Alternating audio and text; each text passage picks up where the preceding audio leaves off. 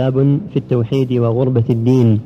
قول الله تعالى أيشركون ما لا يخلق شيئا وهم يخلقون ولا يستطيعون لهم نصرا؟ الآية وقوله والذين تدعون من دونه ما يملكون من قطمير.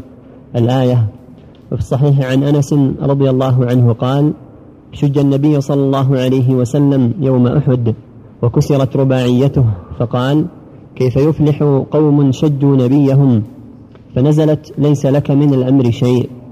وفيه عن ابن عمر رضي الله عنهما أنه سمع رسول الله صلى الله عليه وسلم يقول يقول إذا رفع رأسه من الركوع في الركعة الأخيرة من الفجر اللهم لعن فلانا وفلانا بعدما يقول سمع الله لمن حمده ربنا ولك الحمد فأنزل الله ليس لك من الأمر شيء. وفي رواية يدعو على صفوان بن أمية وسهيل بن عمرو والحارث بن هشام فنزلت ليس لك من الأمر شيء. وفيه عن أبي هريرة رضي الله عنه قال قام رسول الله صلى الله عليه وسلم حين أنزل عليه وأنذر عشيرتك الأقربين. قال يا معشر قريش أو كلمة نحوها اشتروا أنفسكم لا أغني عنكم من الله شيئا. يا عباس بن عبد المطلب لا أغني عنك من الله شيئا. يا صفية عمة رسول الله صلى الله عليه وسلم لا أغني عنك من الله شيئا. ويا فاطمة بنت محمد سليني من مالي ما شئت لا أغني عنك من الله شيئا. يقول رحمه الله باب قول الله تعالى أو يشركون ما لا يخلق شيئا هم يخلقون ولا يصنعون أنفسهم ولا أنفسهم ينصرون يقصد بهذه الترجمة بيان بطلان عبادة غير الله. وأن المعبود من دون الله عاجزون لا يملكون نفعا ولا ضرا لعابديهم ولا نصرا ولا هزيمة ولا غير ذلك. كل شيء بيد الله سبحانه وتعالى. فكيف يعبدونه من دون الله؟ كيف يعبدون الأصنام والأموات والغائبين والملائكة وغير ذلك؟ وكلهم مقهور مملوك ليس بيده ضر ولا نفع ولهذا قال سبحانه أو يشركون استفهام إنكار أو يشركون ما لهم شيء وهم يخلقون المعبود من دون الله لا تخلق شيئا وهم مخلوقون مربوبون. ولا يستطيع لهم نصرا يعني لعبديهم ولا أنفسهم ينصرون. لا هذا ولا لا خلقوا. وهم مخلوقون ولا يستطيع لهم نصرا ولا يدفع لنا ضرا ولا أنفسهم ينصرون. فكيف يعبدوا من دون الله؟ فيعلم بهذا أن عبادة باطلة وأن مستحق العبادة هو الذي خلق الجميع وهو بيده الضر والنفع والنصر وغير ذلك سبحانه وتعالى. وهو الله جل وعلا رب السماوات والأرض خالق كل شيء الإله الحق سبحانه وتعالى مالك الدنيا والآخرة. القائل سبحانه وإلهكم إله واحد لا إله إلا هو الرحمن الرحيم. والقائل سبحانه إنما إلهكم الله الذي لا إله إلا هو وسع كل شيء علما. والقائل سبحانه وقضى ربك ألا تعبدوا إلا إياه. والقائل عز وجل وما أمروا إلا أن يعبدوا الله مخلصين له الدين حنفاء. إلى غير هذا من الآيات. فالواجب على جميع الثقلين الجن والإنس أن يعبدوا الله وحده وأن يخصوه بالعبادة جل وعلا دون كل ما سواه. لأن آلهتهم مهما كانت هي موصوفة بهذه الصفات الأربع مخلوقة لا تخلق ولا تستطيع نصرا لها ولا لداعيها وعابديها. قال تعالى ذلكم الله ربكم له الملك والذين تدعون من دونه ما يملكون من قطمير. القطمير النفاة التي على النواة. كلهم لا يملكون من قطمير. إلا ما أعطاهم الله إياه. إن تدعوهم لا يسمعوا دعاءكم. ولو سمعوا ما استجابوا لكم. ويوم القيامة يكفر بشرككم ولا ينبئك مثل خبير سبحانه وتعالى. هذه حال المعبودات من دون الله؟ لا تملك ولا تنفع ولا تضر. ولا تملك لعابديها ضرا ولا نفعا. ولا تستجيب دعاءه إذا دعاها. ما بين ميت وما بين جماد وما بين غائب وبين عاجز. لا يملك شيئا. وتقدم أن هذا كله لا يمنع الاستعانة بالحي الحاضر. القادر هذا غير داخل في هذا الأحياء القادرون الحاضرون لا بأس أن يستعان بهم. كما قال تعالى فاستغاثه الذي من شيئته على الذي عدوه. استغاث الإسرائيلي موسى على القبطي لأن موسى قادر وهكذا تقول لأخيك يا أخي أعني على إصلاح بيتي على إصلاح سيارتي على حصاد زرعي إلى غير هذا لا بأس. وهو يسمع كلامه. قادر أو أو بالمكاتبة أو من طريق التلفون تقول له لا لا بأس بهذا. الشرك والمنكر أن تدعو الميت أو الجماد أو الغائب الذي لا يسمعك. تعتقد فيه أنه يسمع وأنه ينفع وهو غائب لا يسمع كلامك. تدعوه تعتقد فيه أنه ينفعك. أما من كان يسمع ومن كان عنده قدرة سواء كان حاضرا أو من طريق الأمور العادية كالكتابة والهاتف ونحو ذلك. هذا غير داخل في في في مسائل الشرك عند أهل العلم جميعا. وفي الصحيح عن أنس رضي الله عنه قال شج النبي صلى الله عليه وسلم يوم أحد. شج يمر في رأسه عليه الصلاة والسلام. شجه بعض الكفار في رأسه. وكسرت بيضة على رأسه يوم أحد. وكسرت باعيته ما دفع عن نفسه هو رسول الله. وهو أفضل الخلق. فقال عند هذا كيف يفلح قوم شجوا نبيهم؟ استبعد فلاحهم مع ما فعلوا يوم أحد.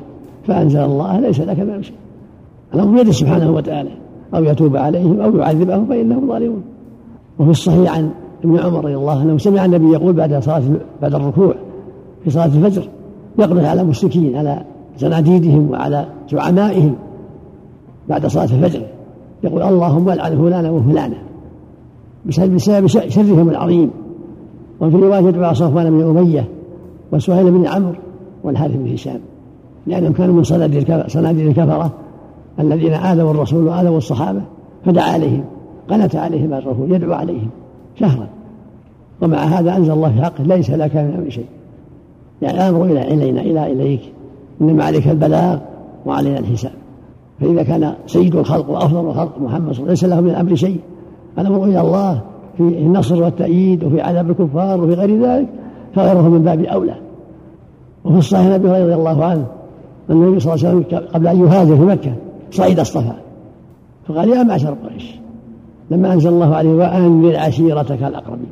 عن صعيد الصفا قال يا معشر قريش. في الأرض يا صباحا فلما اجتمعوا إليه قال أرأيتكم؟ لو كنت أخبرتكم أن جيشا يصبحكم أو يمسيكم أكنتم مصدقية؟ قالوا نعم. ما جربنا عليك كذبا. فقال يا معشر قريش اشتروا أنفسكم من الله. لا أغنى من الله شيئا. يعني وحدوا الله ادخلوا في الإسلام. فقال له أبو لهب تبا لك شر يوم ما دعوتنا إلا لهذا؟ فأنزل الله تبت يد أبي لهب ودب ما اغنى عنهم مألهم وكسب الايات ثم خصهم. خص بعض أقاربه. فقال يا عباس بن عبد المطلب. لا أغني عنك من الله شيئا. يا صفية عمة رسول الله لا أغني عنك من الله شيئا. يا فاطمة بنت محمد لا أغني عنك من الله شيئا. اشتروا أنفسهم من الله. في اللفظ الآخر غير أن لكم رحما سأبلها ببلالها ويقول لفاطمة سليني من مالي ما شئت لا أغني عنك من الله شيئا. هذا البيان أمره الله به أن يبلغه الناس أن لم يبد الله وأن واجب عليهم من عبادة الله وحده وإخلاص عبادة الله وحده وترك عبادة الأصنام والأشجار والأحجار وغيرهم. ولهذا قال له أنذر عشرته أمره الله أن ينذر. والآية قوم فأنذر. والآية يا أيها يا أيها النبي انا أرسلناك شاهدا ومبشرا ونذيرا وداعيا الله به وسراجا منيرا قال تعالى إنما أنت منذر ولكل قوم هاد إنما عليك البلاغ وعلينا الحساب.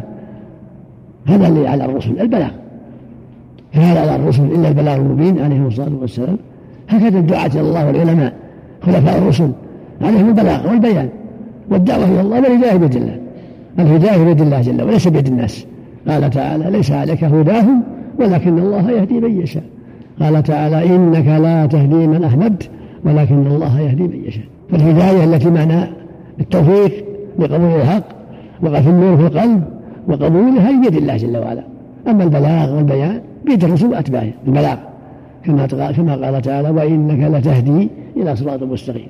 يعني هداية البلاغ والبيان هذه بيد الرسل والعلماء وهم الدعاة. أما الهداية التي معنى قذف النور في القلب ومعنى التوفيق للحق ومعنى قبوله والخضوع له هذه بيد الله جل وعلا. ليست بيد الناس لا بيد الرسل ولا غيرهم. ولهذا يقول سبحانه فليس عليك هداهم يعزيه ويسليه. ليس عليك هداهم ولكن الله يهدي من يشاء. ولما حاول إسلام عمه. وقال يا عم قل لا إله إلا الله عند موته. قل لا إله إلا الله كلمة خادمه من الله. قال عند موته أنا على ملة عبد المطلب. وأبى أن يقول لا إله إلا الله. فقال النبي صلى الله عليه وسلم أستغفر الملك ما لم عنك. فانزل الله. إنك لا تهدي من أحببت ولكن الله يهدي من يشاء. وأنزل سبحانه ما كان النبي والذين آمنوا أن يستغفروا المشركين ولو كانوا اولي قربى من بعد ما تبين لهم أنهم أصحاب الجحيم. فالكافر لا يستغفر الله ولا يدعى عليه اذا مات على الكفر. والهداية بيد الله ليست بيد الأنبياء ولا غيرهم. هو الموفق. هو الذي يقذف النور في القلب. وليهدي لقبول الحق.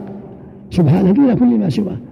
ففي هذا الباب والاحاديث المنثورة الدلالة على بطلان الشرك وعلى وجوب الخاص العباده لله وحده وأن الواجب عبادة الله وحده وأن العباده حق الله لا يستحقها الرسل ولا غيرهم.